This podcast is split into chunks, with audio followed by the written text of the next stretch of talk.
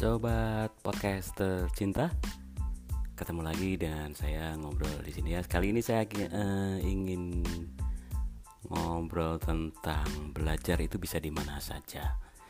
Ya, betul. Pada zaman sekarang ini dengan teknologi internet atau teknologi informasi yang sudah semakin merambah ke mana-mana, mudah sekali kita untuk mempelajari sesuatu atau apa pun yang ingin kita dapatkan itu hampir semua bisa didapatkan di YouTube ataupun di media-media sosial lain seperti di Instagram.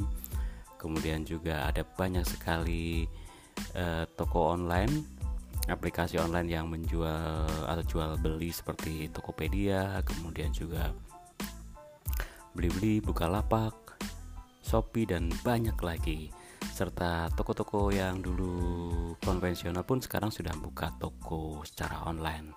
Jadi kalau kita misalnya ingin belajar sesuatu taruhlah berkebun ataupun mempelajari tentang kopi atau kerajinan-kerajinan tangan yang lain tinggal searching di YouTube ada banyak sekali tutorial tinggal kita milih yang sesuai dengan keperluan dan kebutuhan kita.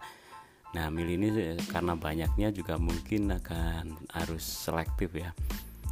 Harus coba-coba satu-satu dan itu pun nggak nggak apa-apa kan, eh, nggak ada salahnya dan kita akan mendapatkan yang sesuai dengan kebutuhan kita. Setelah belajar, kemudian kita pengen mener- me- mengaplikasinya, mengaplikasikannya atau menerapkannya kita mungkin butuh peralatan ataupun bahan-bahan dan itu bisa dicari secara online di itu tadi di toko online toko online yang bertebaran. Dan kita enaknya kita bisa membandingkan di toko ini bisa harganya sekian sekian tanpa perlu uh, keluar rumah ke toko tersebut gitu ya.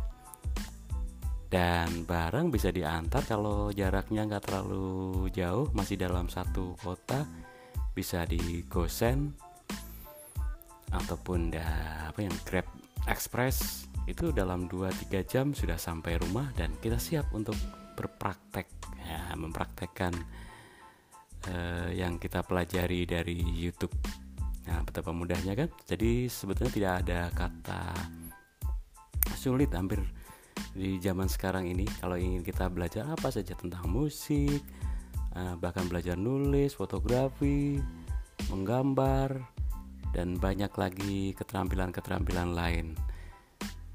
Dan ini bisa jadi bekal kita menambah hmm, apa, pengetahuan ataupun keahlian kita tentu saja ya. Itulah asiknya eh, hidup di zaman teknologi informasi yang semakin maju ini. Tentu saja ada banyak ada juga gitu ya hal-hal negatif uh, yang bisa dilakukan di zaman internet seperti ini. Tapi kita nggak ingin kan terkena atau menerapkan hal-hal itu.